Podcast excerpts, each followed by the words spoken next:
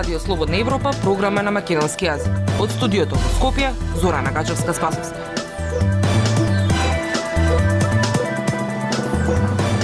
Почитувани, ја слушате емисијата на Радио Слободна Европа. Гостин во неделното интервју е професорот на од факултетот за безбедност Злата Димовски.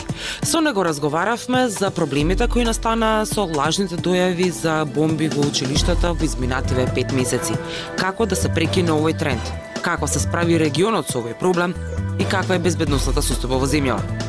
Дополнително разговаравме и за можните безбедносни закани кои доаѓаат од повратниците од Сирија и Ирак, за кои Стейт Департментот ги нотираше како главниот антитерористички проблем што го има Македонија. Слушајте ме.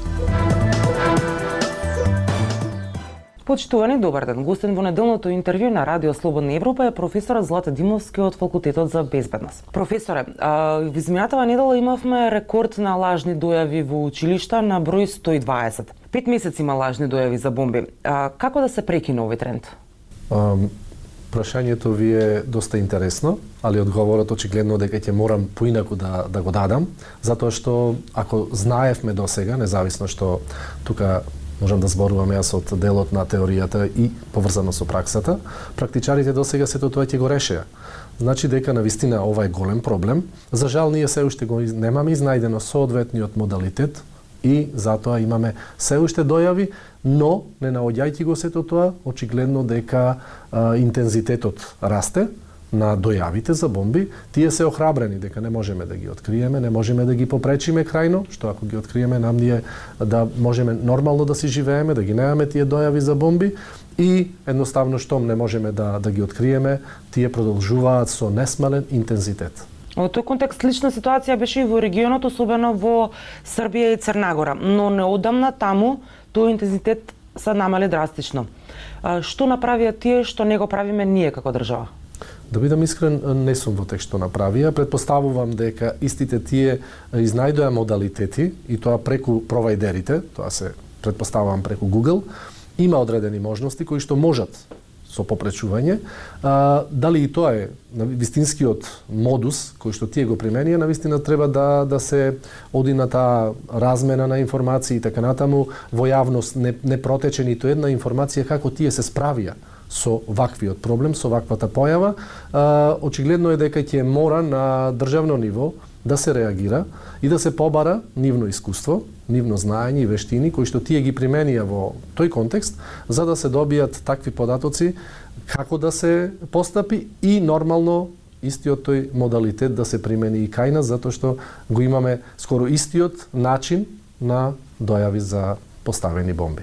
Неофицијално во медиумите во Србија се шпекулира дека направена на ниво на држава проценка дека тоа не представува повеќе безбедносен ризик и дека не се објавуваат информации во јавноста доколку се појави лажна дојава во а, некоја институција. Што мислите за еден таков а, принцип со справување?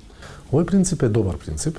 Меѓутоа, навистина би било а, надвор од разумот да тоа го правиме, кога на очиглед, кога имате вие на очиглед дека тоа се случува пред вас, се случува кај онаа популација која што најмногу нели не засега, тоа се кај нашите деца во одредени јавни институции и а, и да дојавиме и да не дојавиме, најголемиот дел од граѓаните повторно ќе дознаат. Целта на оние кои што ова го прават е фактички добивање на што повеќе гласност да таа фама се шири и едноставно да го постигнат тој ефект на страв. Постигнат е ефектот на страв. И тие се охрабрени кога не можат, кажав нели дека кога не можат, кога не можеме да ги откриеме, тие се повеќе и повеќе, дури се дрски во нивните настапувања. Имавме нели дојава за бомба и во председателската резиденција, што на вистина е нешто што би значело дека дрскост е таму да дојавите за бомба кога таа таа институција или ајде да ја кажеме тој простор на вистина е обезбедуван што значи дека тие едноставно она што го сакаат е ширење на тие гласини, а тие гласини веќе длабоко продираат во нашата свест и со тоа постигнуваме одреден психолошки ефект кај нас негативен. Како вие во моментов ја оценувате безбедносната состојба во земјава, имајќи ги предвид токму овие информации дека до сега сите дојави за поставена бомба се лажни? Видете, преку ова не може да се процени безбедносната состојба. Реално. Можеме ние да процениме само каква е перцепцијата на граѓаните перцепцијата на граѓаните во овој момент е на вистина на многу долно ниво, дека безбедноста е на некое си ниво и дека некој може нив да ги спасе. Од оваа позиција можам сега јас да кажам и да апелирам на граѓаните на вистина да а, не се губат во, во таа ширина и да кажат дека не, безбедносните структури не реагираат на вистина се превземаат онолку мерки колку што ние имаме и капацитети. И капацитети човечки, меѓутоа и материјални. Оно што дополнително треба да се прави кај нас, затоа можеме да дискутираме, е на вистина ќе треба понатаму да се вложува пред се и над се возголемување на капацитетите на самите институции, понатаму на набавување на соодветна опрема, на обука на соодвет, соодветен кадар, затоа што ќе мора ние да се поставиме. Сега е веќе ерата на сајбер е, комуникација и ќе мора во тој во тој дел ние навистина да да сијачаме во смисла на зајакнување на капацитетите и крајно една работа мора да ја разбереме дека во современи начин на живење, во оваа трка по техничко-технолошки развој, ќе имаме и дополнителни можеби теш, потешкоти кои што тешко ќе можеме да ги разбереме, а уште потешко ќе можеме да се спротивставиме на истите. Истрагата на МВР се уште не е готова за тоа кои стојат зад овие лажни дојави за бомби. Ваша оценка, има ли капацитет Министерството за внатрешни работи да открие и да го разреши овој случај? Видете, не би се согласил дека само Министерството е одговорно за сето ова. Министерството може да ја води само работата, а треба тоа да се координира на ниво на голем број на институции кои што имаат капацитет да помогнат во идентификацијата на оние кои што го прават, ова, а, јас апелирам за тоа да се алоцираат средствата. Ние навистина да повикаме независно кој и каде е во државава. Имаме и приватни компании кои што многу добро работат на а, планот на спротивставување на сајбер нападите, на заштита на тој а, сајбер простор и така натаму. Понатаму од сите институции, сите оние кои што можат да помогнат, независно дали се повикани или не се повикани, да се стават во функција, да помогнеме сите. Забележувате дека од оваа ширина, од тие пораки што ги доставуваат, дека самата содржина нивна и се она што тие фактички го сакаат да го постигнат е секогаш да го свртат вниманието кон одредени и политички, и економски и некакви си безбедносни аспекти во нашата држава од содржината на самите дојави кои што постојат како такви затоа што самата дојава има и дополнителен текст кој што нешто означува. Така да тие настојуваат сега преку сето тоа да го зафатат целиот општествен простор кај нас, односно да навлезат во сите пори од општественото живење. И тоа го прават сега доста умешно преку децата, односно преку дојавите за бомби во училиштето, го едноставно ерозија направија на, на самиот систем за образование на дечината. Понатаму, предходно нели имавме две или три години со COVID-19, така да овие генерации на вистина ќе ни бидат доста послаби во однос на самото образование и воспитувањето. Сакате да знаете повеќе? Наша веб страница slobodnaevropa.mk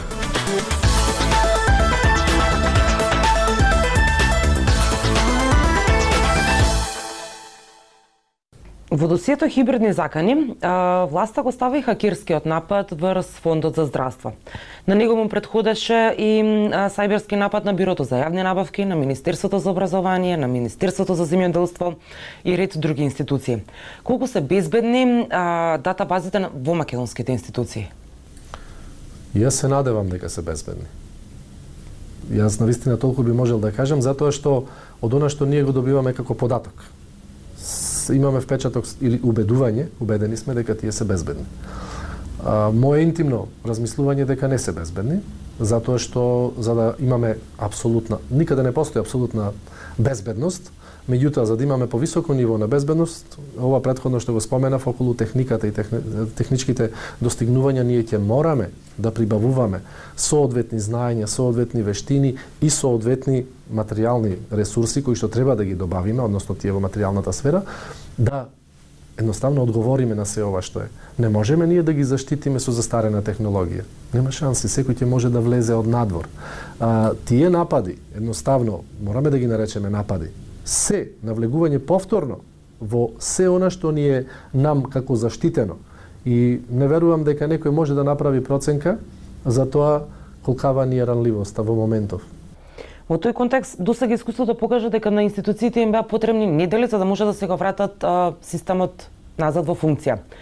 А, каде лежи проблемот во, а, во македонските институции? Дали тоа е повеќе во кадарот или во недостигот или поинако да го формулирам, лошата дигитална инфраструктура? Сметам дека сепак и едното и другото. Значи, и дигиталната инфраструктура што вие споменувате, и самиот кадар, меѓутоа и нашата свест. Ни укажуваат дека треба да се заштитиме, ни укажуваат како, ни укажуваат какви се е, чекори или постапки да примениме кога треба нешто да заштитиме, но ние рачунаме дека сме заштитени со некакви си чекори кои што многу одамна ги знаеме. Ќе мораме многу повеќе да разбереме, значи да се описмениме, едноставно таа дигитална писменост да ја примиме во онаа мера кој колку може и кој на колку му треба.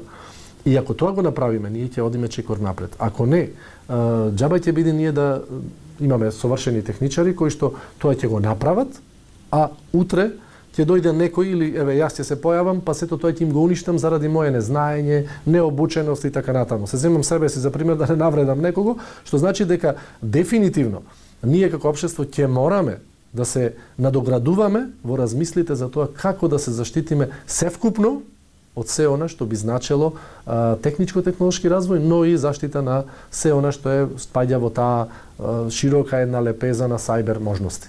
Повратниците од Сирија и Ирак се главниот антитерористички проблем а, во што го нотира Стейт Департментот за, за Македонија. Постои ли реална закана за македонската безбедност од овие луѓе?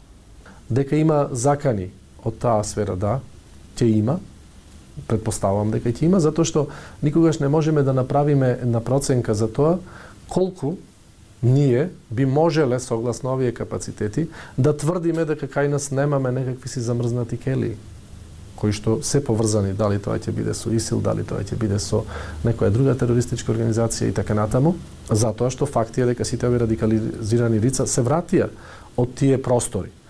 Е сега, оно што ние го направивме, беше да го ускладиме законодавството наше со барањето на одредени меѓународни декларации и конвенции. И тоа го направивме. Ние прифативме репатриација на тие лица, каде да бидат откриени, ние ги враќаме кај нас. Има еден чекор кој што одредени држави го превзедоја. Тие рекоа дека ако односно тоа го оставија во нивните закони, сега тоа го, го применуваат. Ако нивни државјани биде идентификуван од одредени структури, дали тоа ќе биде разнавачки служби, дали тоа ќе биде некаде од полициски и така натаму и има за него соодветни докази дека учествувал во било која од терористичките организации, тие по административен пат му го одземаат државјанството и го избегнуваат тој момент на репатриација. Репатриацијата значи доаѓање оне што е македонски државјанин со македонски пасош или независно дали го загубил пасошот, тој има државјанство наше, значи дека тој се враќа во Македонија.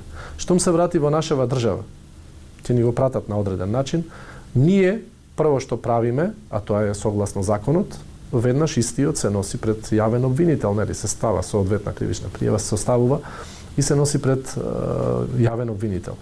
Поучени од соодветни правни експерти, дека со тоа ќе успеат да издействуваат по поволна позиција, тие прифаќаат спогодба.